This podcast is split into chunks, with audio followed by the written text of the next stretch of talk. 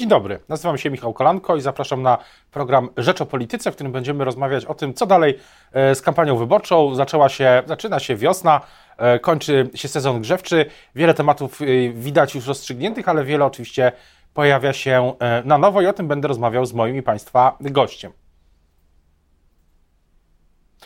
Dzień dobry Państwa i moim gościem dzisiaj w Rzecz o Polityce jest Krzysztof Łapiński, były rzecznik prezydenta Andrzeja Dudy, teraz e, PR-owiec, właściciel agencji Timing. Dzień dobry. Dzień dobry, witam pana redaktora, witam państwa. Zacznijmy może właśnie od tego końca mm, mm, sezonu zimowego i początku wiosny.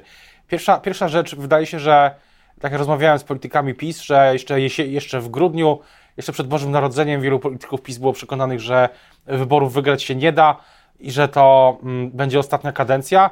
E, w marcu takie opinie są rzadkością a Nowogrodzka, tak mam wrażenie, jest przekonana, że można wygrać wybory. Co, co się zdarzyło?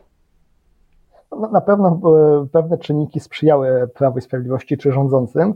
No, zima była stosunkowo łagodna, e, nie było jakichś większych mrozów, e, to po pierwsze, ale też proszę pamiętać, że no, część mediów czy część opozycji liczyła, że PiS się na tym, na tym przewróci, że nie będzie węgla albo węgiel, węgiel będzie drogi. No i rząd też zauważył, że to jest niebezpieczeństwo i podjął ileś kroków, żeby temu zaradzić. To nie jest tak, że pomogła tylko e, łagodniejsza zima, ale przecież proszę zobaczyć, e, że e, rząd Zjednoczonej Prawicy, rząd Mateusza Morawieckiego podjął kilka działań, to znaczy i spółki Skarbu Państwa i Agencja Rezerw Strategicznych sprowadzały dość duże ilości węgla z innych kierunków niż rosyjski. Uruchomiono cały program osłonowy dodatków dla gospodarstw domowych, także dla firm. E, więc podjęto ileś kroków właśnie, żeby zapobiec temu, o czym Pan mówi. E, więc to nie jest tak, że trochę oczywiście szczęścia, ale trochę działań. I proszę zobaczyć, że też rząd wprzęgnął w tą pracę także samorządy. E, nawet jeśli były jakieś samorządy, czy są, a jest ich sporo, które są rządzone przez polityków opozycji, to one także musiały się włączyć w ten program, nazwijmy to rządowy, e, no bo na, na koniec dnia rząd mógł powiedzieć, no proszę bardzo, my sprowadziliśmy węgiel, wprowadziliśmy dodatki osłonowe, a przez to, że jakieś samorządy nie, nieprzychylne rządzącym nie e, nie chcą uczestniczyć w tym programie dystrybucji węgla, to, to są problemy, więc Tutaj zadziałało trochę szczęścia, trochę oczywiście pracy, no i współdziałania także z samorządami, które chcąc, nie chcąc, e, musiały jednak w tym programie e, wziąć udział. To oczywiście wszystko też sporo kosztowało. Proszę zauważyć, że te wszystkie programy osłonowe e, związane właśnie z dodatkami, no, kosztowały pewnie kilkanaście miliardów albo i więcej. Więc to pytanie, na ile to też gospodarka to, to utrzyma. Na, na tę chwilę wydaje się, że, że rząd zabezpieczył odpowiednie środki, ale zobaczymy, jak będzie w kolejnych miesiącach. Też temat, który się, wydaje, wydaje się, że temat, który już nie wystrzeli e, politycznie w tym roku i przed wyborami, to jest temat zmiany premiera Morawieckiego. Pan by się z taką tezą, też e, jako osoba, która dobrze zna mechanizmy, e, mechanizmy Prawa i Sprawiedliwości, zgodził, że już do wyborów e, przeciwnicy premiera Morawieckiego, przecież oni dalej w PiSie są, nie zniknęli nagle. E, nie mówię tu o Zbigniewie Ziobrze, tylko o wewnętrznych frakcjach w samym PiSie. Dadzą sobie już spokój z tym tematem? Ja przy poprzednich takich burzach medialnych e, dotyczących ewentualnego odwołania pana premiera Morawieckiego, także chyba z, podczas wywiadu z panem redaktorem mówiłem, że to nie jest odpowiedni timing e, i to działa na korzyść premiera Mateusza Morawieckiego. E, zbyt blisko do wyborów, e, za naszą wschodnią granicą e, agresja rosyjska na Ukrainę, a my jesteśmy pa państwem, e, no, gdzie, gdzie, ta, gdzie ten konflikt no, toczy się no, kilkaset czasami kilometrów, od, czy nawet mniej od naszych granic, więc to też nie jest moment. No i na koniec myślę, że no, prezes Kaczyński doskonale wie, co by to oznaczało wewnętrznie. Także otwierałoby różnego rodzaju żądania mniejszych koalicjantów, grup czy grupek posłów, no bo wymiana premiera także oznacza, że ten nowy kandydat musiałby uzyskać wotum zaufania w Sejmie. Więc reasumując wszystkie te rzeczy, myślę, że skłaniają prezesa Kaczyńskiego do powiedzenia, nie, to nie jest ten moment, e, żeby, żeby zmieniać premiera, zbyt dużo ryzyk jest z tym związanych. I na tę chwilę e, na, na, to się zanosi, że, że premier będzie tym premierem, który będzie prowadził wspólnie pewnie z prezesem Kaczyńskim kampanię Prawa i Sprawiedliwości. Ja tutaj zdania nie zmieniam, e, tym bardziej jestem, im bliżej wyborów, tym bardziej przekonany, że, że e, te przesłanki, o których mówiłem, e, są decydujące że, że premier będzie co najmniej do wyborów. Też jest, wspomniał pan prezesa Kaczyńskiego, ja w programie Rzecz o Polityce rozmawiałem ładnych kilka tygodni temu, to chyba było jeszcze w styczniu, z prezesem Adamem Bielanem, prezesem Partii Republikańskiej. No i prezes Bielan mówił wtedy, że prezes Kaczyński wróci do objazdu po, Polski wczesną wiosną. No i chyba się nie mylił, bo, bo prezes Kaczyński na razie w, te, w trasę nie wrócił, udziela wywiadów, ale do objazdu nie wrócił.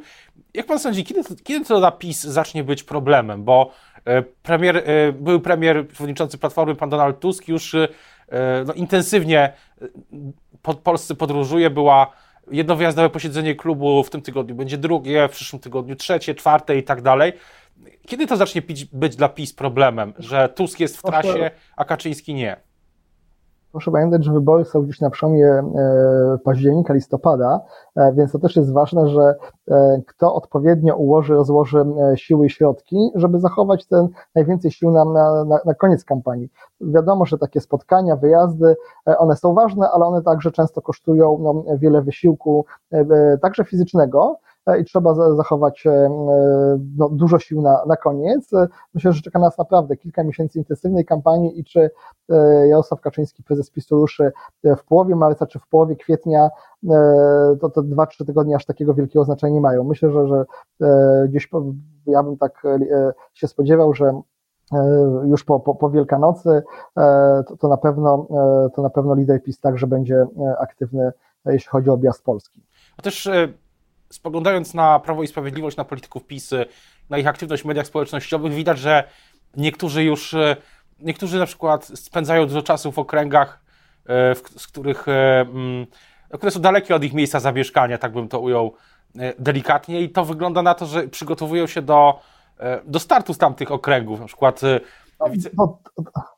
tylko dokończę, na przykład wicemarszałek Sejmu i bliski współpracownik prezesa Kaczyńskiego Ryszard Terlecki, mam wrażenie, dużo czasu ostatnio spędza w okręgu nowosądeckim w okręgu 14 e, i takie mam wrażenie, że może tam będzie, może, takie, może tam będzie kandydował. Pytanie, czy ten wstępne, wstępny układ list jest już przez to, to znaczy, że wstępny układ list jest już znany w PiSie, czy, czy to tylko takie mm, rozpoznanie bojem przez polityków?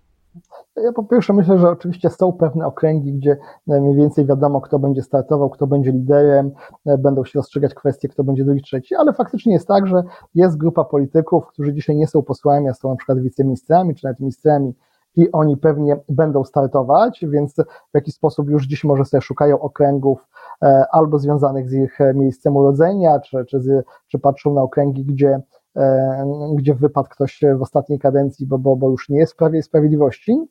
I myślę, że to też pokazuje, że, że, że ci politycy no, nie liczą na, tylko na to, że w ostatnim momencie przyjadą na kampanię na, na miesiąc, dwa i, i wszystko się uda, tylko proszę zobaczyć, że już tę aktywność w tym, no, potencjalnie dzisiaj tym okręgu zaczynają, zaczynają dużo wcześniej. I pan redaktor mówi też właśnie o mediach społecznościowych i mam takie wrażenie, że e, no, opozycji jest dużo e, w mediach społecznościowych, politycy opozycji są bardzo aktywni, ale proszę zauważyć, że e, to, co robią posłowie Zjednoczonej Prawicy, to ich często posty, ich często to co, to, to, co wrzucają do mediów społecznościowych, to nie są tylko komentarze do bieżących wydarzeń, ale to są relacje z ich wizyt. Czyli oni są także w terenie, bo pamiętajmy, że media społecznościowe są ważne, istotne, z kampanii na kampanię pewnie grają większą rolę, no ale cały czas w wielu miejscach e, najważniejszy jest kontakt e, bezpośredni, e, i którego nie da się zbudować ze społeczeństwem, z wyborcami, którego się nie, nie da zbudować tylko w ostatnich kilku tygodniach kampanii, bo wtedy wszyscy jeżdżą i wtedy jest natłok polityków wręcz w okręgu,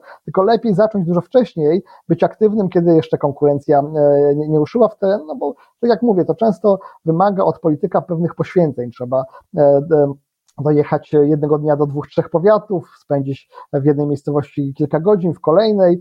To jest tak naprawdę też e, pewien wysiłek fizyczny, nie każdemu chce to się robić, a ci, co to robią, mam wrażenie, że e, no już e, zyskują sporą przewagę nad konkurentami, bo budują swoją rozpoznawalność w terenie czy w okręgu, w którym zamierzają kandydować. I to jest ważne, zwłaszcza w taki, że, że większość naszych okręgów, czy większość, większość wyborców mieszka w takich miastach powiatowych, kilku, kilkunastotysięcznych, gdzie, gdzie wizyta posła, jego spotkanie często jest takim no, lokalnym wydarzeniem które, które rozchodzi się no, po całym miasteczku czy po całej okolicy i jest to, jest to dość widoczne.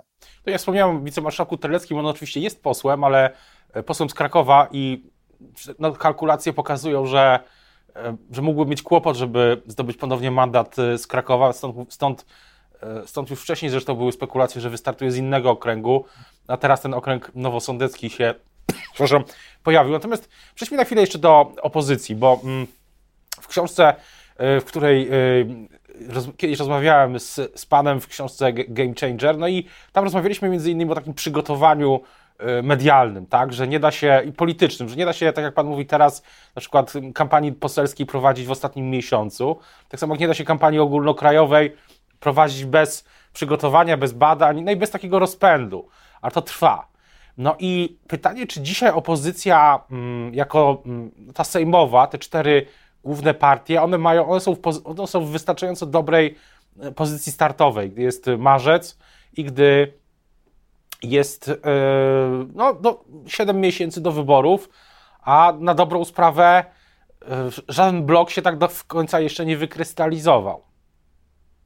No, trochę sytuacja e, dzisiaj na scenie politycznej od kilku lat przypomina mi, e, oczywiście przy zachowaniu odpowiednich proporcji, ale jeśli bym szukał porównywań w jakimś konflikcie militarnym, to taką sytuację z I wojny światowej, że od kilku lat obie strony siedzą w swoich okopach, wzajemnie się ostrzeliwując, no a ten front e, wówczas tam w I wojnie światowej za bardzo się nie przesuwał. Tak samo tutaj to, jeśli patrzymy na sondaże, to te wahania są czasami 2-3 punkty procentowe na plus dla jednej partii, 2 minus. No, patrzymy dzisiaj na dwie największe partie, no to PiS ma gdzieś w sondażach między 32 a 36, Platforma między 27 a 31, mniejsze partie Oczywiście mają mniej, ale też te wahania są niewielkie.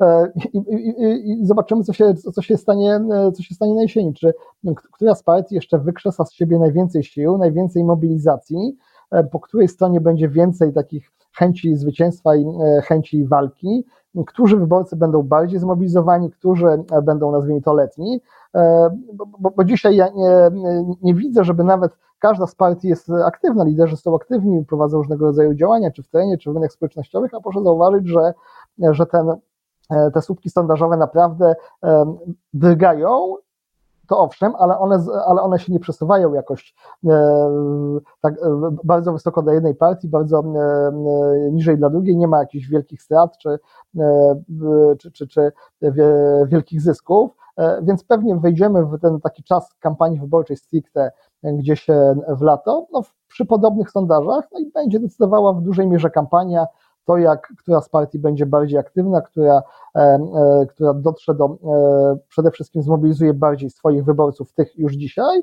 i ewentualnie pozyska takich niewielką grupę, coraz mniejszą osób niezdecydowanych. To, to będzie kluczowe. Mobilizacja własnych elektoratów, demobilizacja elektoratu przeciwnika, plus e, pozyskanie e, grupy osób niewielkiej wahających się. A, a jakieś nowe siły polityczne Pana dzisiaj uwagę przyciągają? Byłem niedawno w, na konferencji y, samorządowej, 8 Europejski Kongres Samorządowy mm, w Mikołajkach. To oczywiście też y, projekt, y, z którego patronem medialnym jest Rzeczpospolita i tam widoczni byli mm, przedstawiciele trzech sił, których aspirują Agrounia Porozumienie, mm, ruch samorządowy e, Marka Materka, taki polityczno-samorządowy i e, bezpartyjni samorządowcy. E, mm, to są trzy takie siły, które aspirują teraz spoza tego, spoza tych, spoza tych czterech, no tego układu, w którym są i w którym są mm, sejmowego. Któraś z nich, Pana zdaniem, ma, ma jakieś szanse, żeby się przebić? No, ostatnie wybory, kilka ostatnich wyborów pokazuje, że zazwyczaj był taki przestrzeń dla e, ruchu zupełnie nowego, bo ostatnio przecież był e, sukces e, Kukiz 15, wcześniej Nowoczesnej, wcześniej ruchu Polikota, jeszcze wcześniej Samobrony, czy ostatnio też Konfederacji, czy wyborach prezydenckich Szymona Hołowni, no, którego ruch już nie jest taki nowy, bo, bo, bo jest już ruchem, który, który jest trzy lata po, po prawie trzy lata po, po przekształceniu się w, to, w taką inicjatywę stricte polityczną. Czy samorządowcy, no słyszeli, były próby w poprzednich wyborach powołania różnego rodzaju list samorządowców, one czasami miały znaczenie i czasami dochodziły do skutku na poziomie wyborów senackich, no bo łatwiej jest w kilku okręgach senackich znaleźć mocnych kandydatów. No w okręgach sejmowych było trudno, bo jednak zarejestrować listę w 41 okręgach mieć co najmniej 460 kandydatów, a tak naprawdę dobrze by było mieć pełne listy, czyli, czyli, czyli dwukrotność tej liczby 920, no to nie jest łatwo. To, to, to jest naprawdę duży wysiłek. Ja się spodziewam, że wystartują jakieś ruchy samorządowe czy inicjatywy samorządowe na poziomie senackim, E, na poziomie, e, na poziomie sejmowym, tak jak mówię, jest to dużo większy wysiłek, no bo żeby, tak jak mówię, przekroczyć te 5%, czy, czy w ogóle walczyć, no to trzeba mieć e, de facto zarejestrowaną ogólno, listę ogólnopolską, a to jest już duży wysiłek organizacyjny, logistyczny, finansowy. Jak do tej pory no, radziły sobie z tym tylko no, duże partie polityczne, czy partie istniejące od wielu lat, lub właśnie jakieś nowe ruchy. Jest to potencjał, no pytanie tylko, czy, e, czy e, bo Pan nawet już sam mówi o tych ruchach samorządowych, że jest ich co najmniej trzy. No, jest e, dwa ruchy, dwa projekty samorządowe i jeden ten projekt polityczny porozumienia i agrounii. Tak, no więc no, ten jest porozumieniem, znaczy takim ruchem typowo politycznym. Posłowie porozumienia plus plus agrounia, więc zobaczymy, zawsze była przestrzeń na na jakiś taki nowy ruch, ale to też pamiętajmy, że te wyniki takich ugrupowań oscylowały między e, no, 6 a 10-11%. To też pamiętajmy, że e, przy dzisiejszej dużej polaryzacji, że no, dwie trzecie głosów albo i często więcej zagospodarowują dwie partie, bo to czasami jest w zeszłych wyborach to było prawie 70%, dwie partie Platforma i PiS zdobyły, no to ta przestrzeń się zawęża i to jest na, na, na kilka procent. Ja się spodziewam, że będzie jakaś nowa inicjatywa, który, o której usłyszymy pewnie bliżej czerwca, bliżej wyborów, bo też teraz za wcześnie, ale trudno jej będzie się przebić, żeby zdobyć głosy na poziomie ponad 5% i wejść do Sejmu. No, a polityka bywa, bywa nieprzewidywalna, więc e, wszystko się jeszcze może w tej kampanii e, zdarzyć, e, w tej kampanii wiosennej, później Mm, w finalnym etapie jesienią. Będziemy to oczywiście bardzo uważnie śledzić. Teraz bardzo już e, dziękuję za rozmowę. Państwa moim gościem dzisiaj był Krzysztof Łapiński, był rzecznik prezydenta mm, Andrzeja Dudy, teraz e, właściciel agencji Timing. Dziękuję bardzo. Dziękuję bardzo, a szczególnie w Dniu Kobiet wszystkiego dobrego dla wszystkich Pani. Wszystkiego dobrego. Dziękuję bardzo.